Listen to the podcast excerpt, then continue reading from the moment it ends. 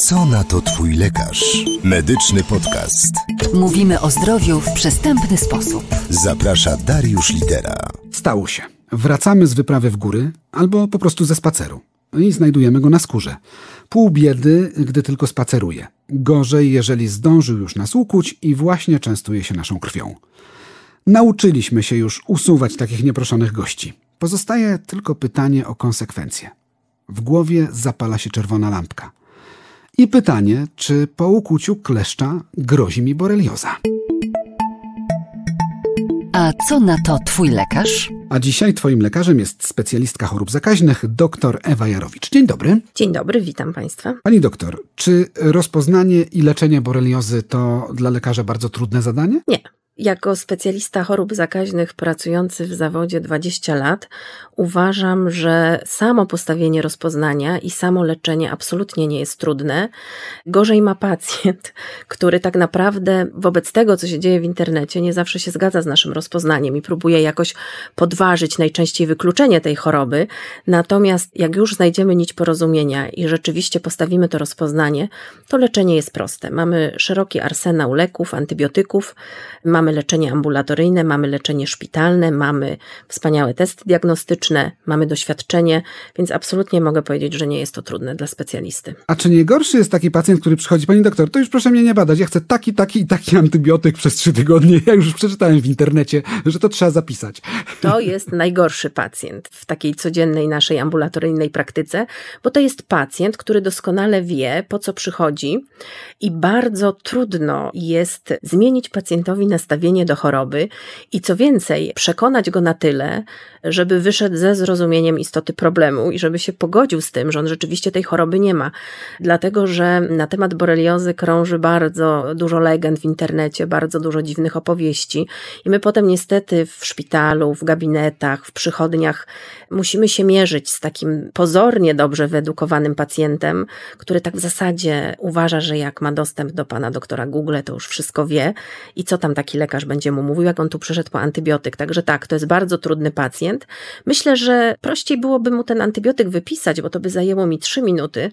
Natomiast to wykluczenie choroby, odpowiednie wytłumaczenie pacjentowi, że on jednak jej nie ma, chociaż mu się bardzo wydawało, że ma, to jest e, najgorsza sytuacja, z jaką mamy do czynienia w gabinecie. I to jest też proces, któremu jako pacjenci, bo już teraz patrzę z drugiej strony, powinniśmy się poddawać, ponieważ ta relacja lekarz-pacjent nie może być e, zakłócona. To jest wzajemne zaufanie i wtedy powierzamy swoje zdrowie, my pacjenci, specjaliście, który wie, o czym mówi i wie, co się może wydarzyć. I on naszym zdrowiem się zajmuje. Czyli nie możemy jednocześnie my i lekarz konkurować o, tak, to. i ja zawsze tłumaczę też pacjentowi, że skoro przyszedł do mnie, to znaczy, że jednak nie do końca takie wszystko było prosto wytłumaczone w tym internecie.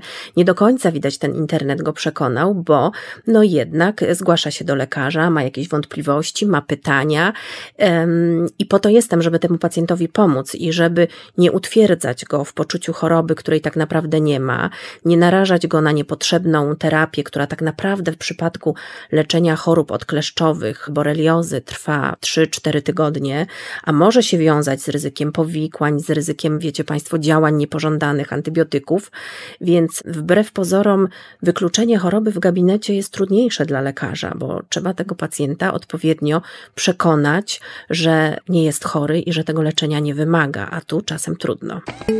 Co radzi Twój lekarz? No to teraz postarajmy się wykluczyć albo potwierdzić tę chorobę. No było ukłucie przez kleszcza. Jakie są najczęstsze wczesne objawy boreliozy u osób ukłutych przez kleszcze? O rumieniu trochę już słyszeliśmy. Proszę Państwa, rumień pojawia się najczęściej. Rumień w miejscu ugryzienia, natomiast nie zapominajmy też o objawach ogólnych, dlatego że ten rumień mogą zwiastować tak zwane objawy prodromalne, czyli może się pojawić złe samopoczucie, może się pojawić uczucie rozbicia, jakieś objawy grypopodobne, stany podgorączkowe. To są takie objawy świadczące o toczącej się takiej ogólnoustrojowej infekcji, a potem może się pojawić rumień. Te objawy prodromalne też nie zawsze muszą się pojawiać, ale mogą. Więc obserwując miejsce po ukłuciu, obserwując te nasze objawy ogólne i łącząc to z faktem ukucia przez kleszcza, może nas to poniekąd ukierunkować. Rumień może się pojawić w ciągu trzech miesięcy, ale ja na przykład jestem alergikiem.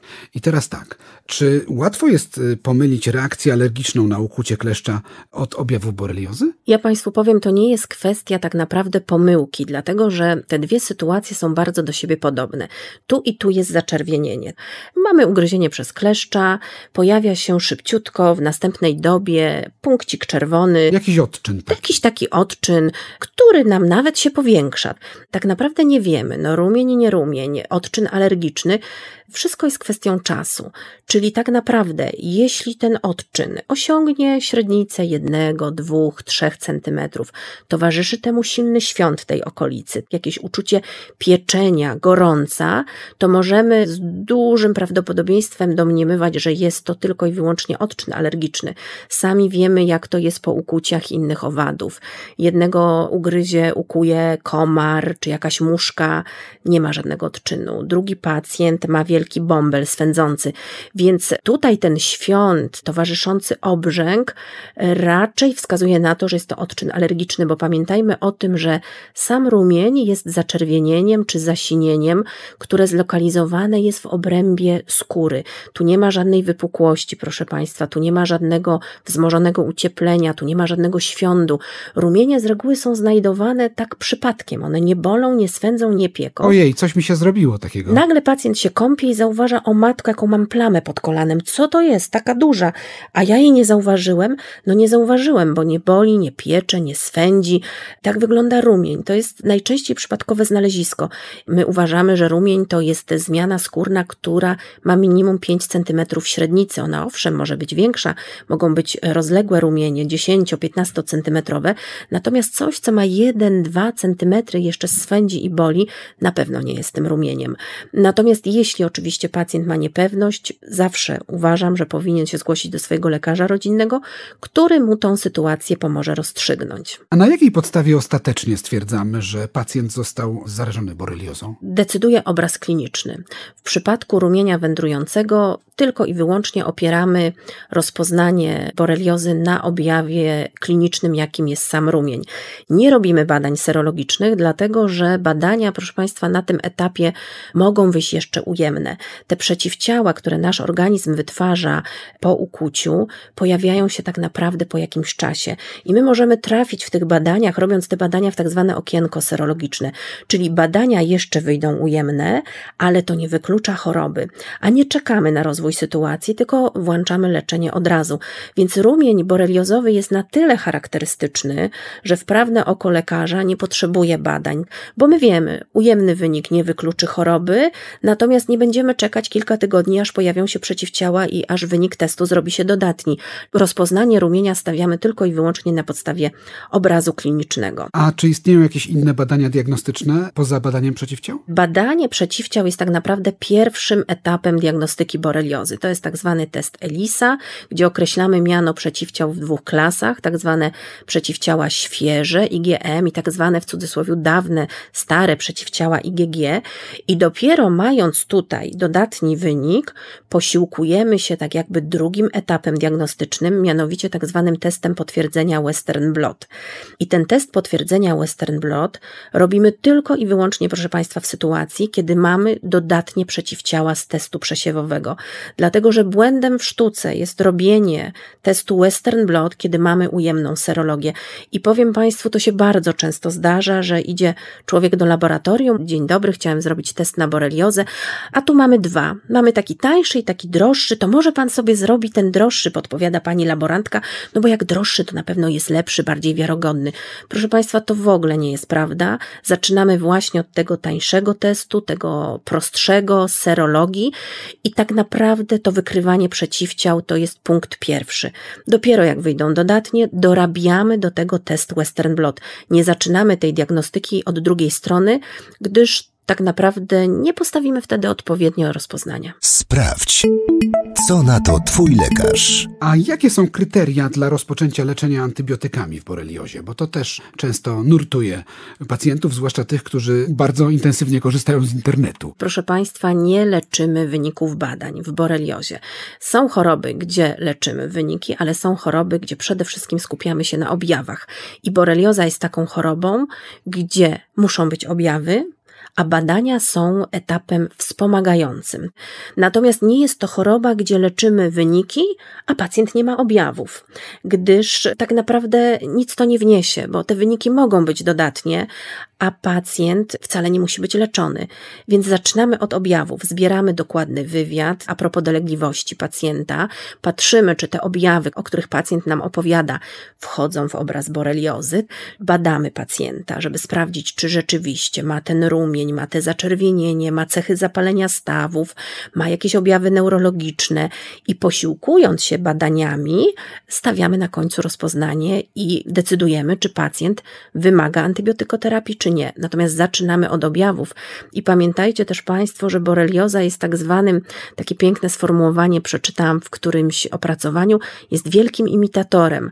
To znaczy borelioza ma szereg objawów chorobowych, które mogą imitować różne choroby, tak? I zrobić nam troszkę mętlik w głowie, bo kogo nie bolą stawy, kogo nie boli kręgosłup, kto nie ma jakiejś dolegliwości typu bóle głowy czy zawroty głowy. I to wszystko tak naprawdę jest w boreliozie, ale my to musimy połączyć i zadecydować, czy te objawy są na tyle charakterystyczne, że rzeczywiście lecimy dalej z badaniami i zastanawiamy się nad terapią pacjenta. Co radzi Twój lekarz? Co jest ważne w przebiegu leczenia boreliozy, jak już stwierdzimy, że jest ta choroba, aby uniknąć późniejszych powikłań? Najważniejsza jest współpraca z pacjentem. Czyli pacjent musi przestrzegać zaleceń terapeutycznych, musi się zgłaszać na wyznaczone wizyty, nie próbować jakoś przeciągać tej terapii, bo często spotykam się z sytuacją, pani doktor, ale dwa tygodnie to nie będzie za mało. I ja mówię, nie, absolutnie dwa czy trzy tygodnie, proszę mi wierzyć, wystarczy. A pacjent gdzieś tam zawędruje po cichu do lekarza rodzinnego, wymusi na nim antybiotyk, bo przeczytał, że im dłużej, tym lepiej, więc może on sobie ten antybiotyk pobierze 6-8 tygodni. Nieważne, że wywoła sobie jakieś zapalenie jej jelit, tak, grzybice. Trzeba zaufać lekarzowi. Jeśli ordynujemy leczenie, to pacjent musi być osobą współpracującą. No i należy współpracować. To jeszcze na koniec powiedzmy, jakie są możliwe skutki niedoleczonej boreliozy, bo ta przeleczona to co innego, ale taka niedoleczona może mieć wieloletnie, trudne dla pacjenta skutki. Tak, proszę Państwa, dlatego że borelioza ma tak zwane postacie późne, tak, zakażenia. I to z reguły są uporczywe zapalenia stawów które mogą się pojawić nawet 2-3 lata od momentu zakażenia tym patogenem. I rzeczywiście niedoleczona choroba może potem rozwinąć nam zespół jakiejś takiej uporczywej artropatii, bólów stawów, co utrudni nam codzienne funkcjonowanie. Może dojść do uszkodzeń też tych stawów.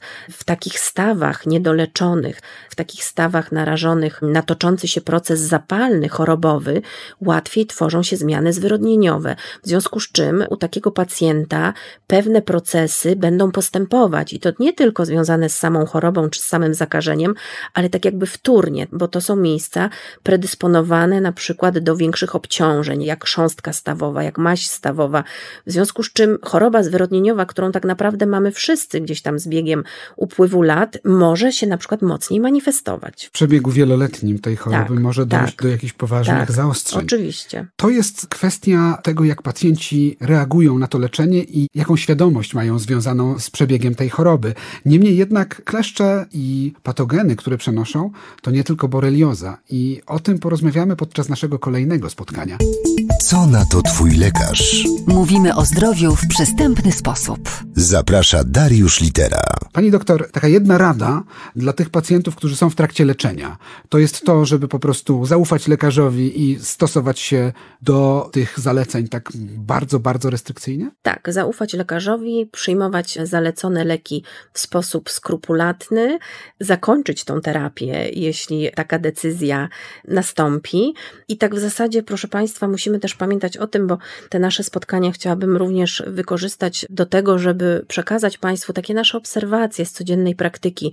Ten rumień skórny, tak naprawdę, który jest najczęstszą postacią boreliozy, to jest tak naprawdę najprostszy do leczenia i najłatwiejszy łatwiejszy do rozpoznania.